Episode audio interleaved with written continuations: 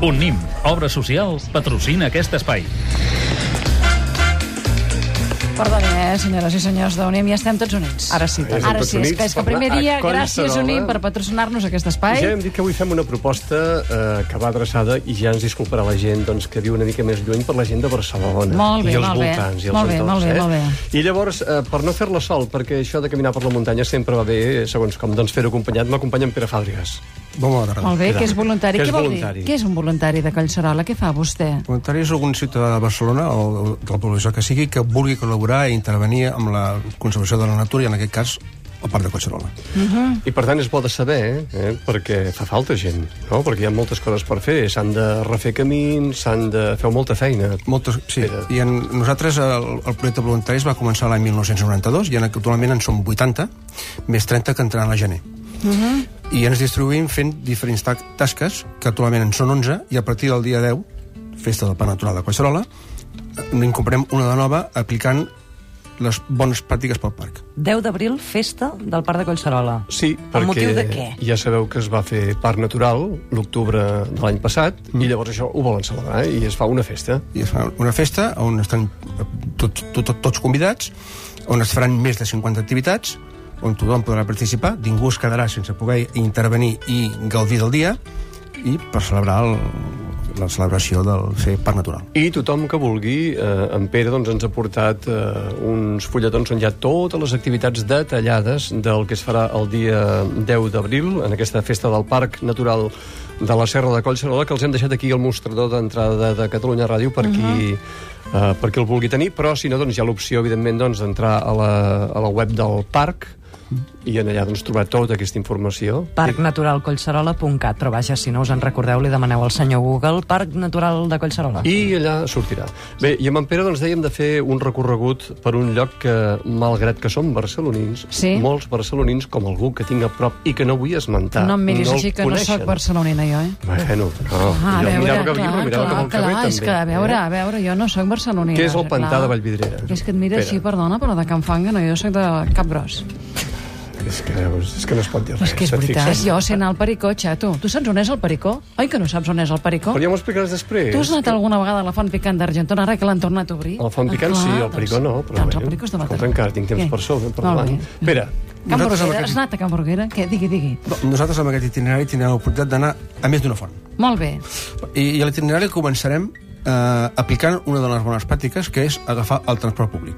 Uh -huh. agafarem els ferrocarrils de catalans, baixarem al baixador de Vallvidrera, travessarem la carretera que ens portaria a Sant Cugat i allà començarem l'itinerari indicat per la senyalització del parc a través d'uns postes de fusta on trobarem unes plaquetes amb un color verd que ens indicarà que seguint sempre aquest color arribarem al pantà de és Collserola. a dir, que no té pèrdua.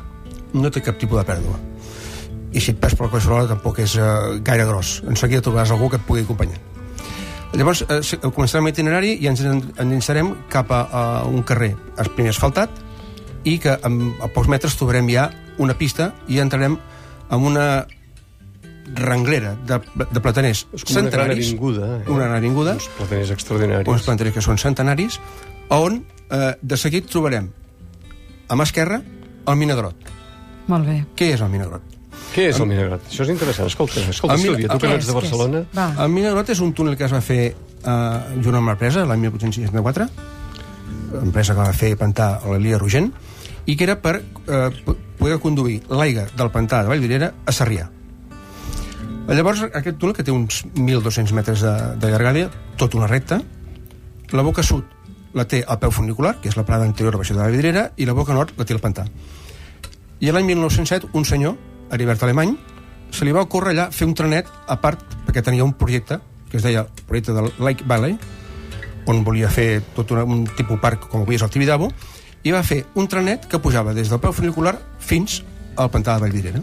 Sí. Se li diu el Minegrot, i fins avui ha perdurat, però mm, avui tancat. que era un trenet que va funcionar 8 anys, que hi pujaven 36 persones amb vagonetes descobertes, que estava il·luminat tot el túnel amb Que bombetes. bonica. I ara com s'hi puja?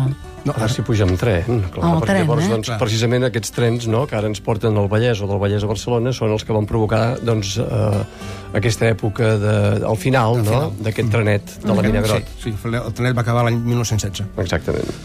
I el, el, anava, anava a dir vostè alguna cosa més, senyor Fàbregas? Sí, és que no hem arribat al pantà encara. Encara no hem arribat No, al ens pantà. falta un bon tros. Sí. Llavors, eh, un cop deixem el Minerot a la mà, a mà esquerra, a, a mà dreta trobem la casa del guarda del pantà.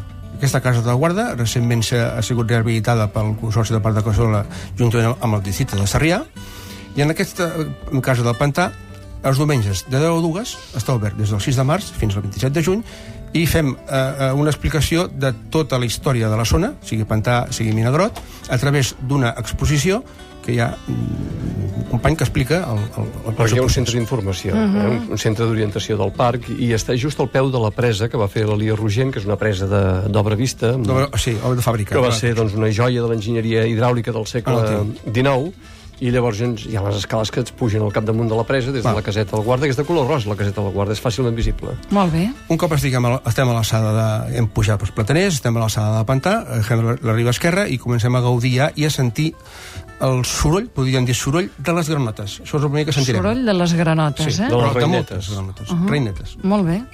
I què més? Seguim el, el camí. Eh, El pantà, avui, eh, d'haver, a partir de l'any 2005, rehabilitat posant-hi una, en el seu vas una, tota una tela de, de, de fàltica perquè no perdi l'aigua, perquè perdia l'aigua. Ara sempre en tenim d'aigua. Anem seguint i llavors això ha sigut eh, bueno, hi ha una gran eh, eh, particularitat amb que és una època, zona d'amfibis. O sigui, hi ha una quantitat d'amfibis que ja hi viuen i fins i tot tenim un barna pescaire que ens hi ve fer visites Sí, i hi ha ànecs, també. I alguns ànecs ha ànecs, també. Ara sentíem les granotes que ara han arribat. Molt bé. Seguim per l'itinerari, Doncs arribem sé. a la cua del pantà i a la cua del pantà trobem una repoblació feta juntament amb el Consorci i eh, primordialment amb els veïns de la zona que estem a Massauró, un barri dintre de Sarrià, que mm, per voler col·laborar i voler intervenir amb la recuperació de l'entorn van fer, eh, van provar el dia de l'arbre i allà van fer una plantació que actualment doncs, anem controlant i va creixent.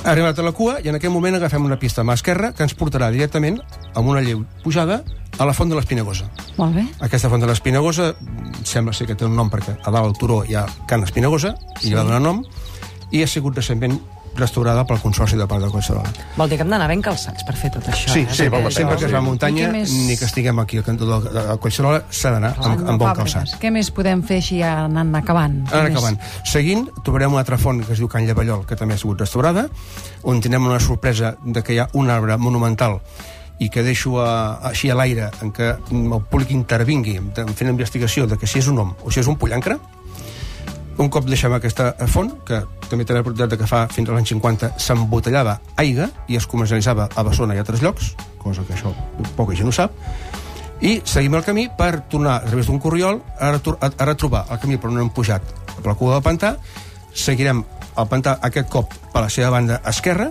veient tot el que són les cases del, del que és el barri de Massauró, tornarem a baixar pel, pel, pel carrer dels Plàtans, passarem a Minagrot, i llavors arribem a la plaça de Minagrot i girarem a la dreta, perquè anirem a visitar l'església de Santa Maria de Vallvidrera. Primeres dades documentades al segle X, rehabilitada eh, al segle XV i reformada al segle XVII. I d'allà ja ens aniríem per acabar pràcticament l'itinerari a l'àrea de lleure Santa Maria de Vallvidrera, on podrem fer un pícnic, un piscolabis, que Molt tindrem bé. un restaurant i tindrem lloc d'estada per nens i nenes, i d'allà eh, tornarem a recular plaça de Minagrot i tornem a agafar, passant la carretera, pel semàfor, El tren. el baixador de Vallvidrera. Ho explica amb un rigor, vostè tan ben fet, que és Pas per concloent, pas a pas, senyor Fàbregas. Em perdo- em Moltíssimes perdonareu, gràcies. però Eh? sí, No, sí, no, al podríem contrari, que li valorem i li subratllem. Senyor Fàbregas, moltes gràcies. Tu l'has fet, eh? Tot això és magnífic, eh? I valdria la pena que encara que no siguis de Barcelona i, i passis Ja. i passis i perdis el Els que no són de Barcelona se'ls hi deixa anar, No, també? però sí, poden anar, no, no fem Ah, distincions. allà, Anem, sí, sí. doncs, al Parc Natural de Collserola amb aquests passos tan ben detallats que ens han portat avui en Pere Fàbregas i Antoni Arbonès. Gràcies a tots dos. Moltes A vosaltres. Per què gira una baldufà? Quin joc és un camisó? Les respostes amb molles, engranatges i píxels fins al 24 de juliol a l'Espai Cultura Unim de Sabadell. Una exposició pensada per divertir grans i petits i descobrir d'una manera lúdica i interactiva la tecnologia que amaguen els jocs i les joguines. Molles, engranatges i píxels. Entrada gratuïta. Més informació a tecnologiesdeljoc.cat. Unim obra social. Sumem per tu.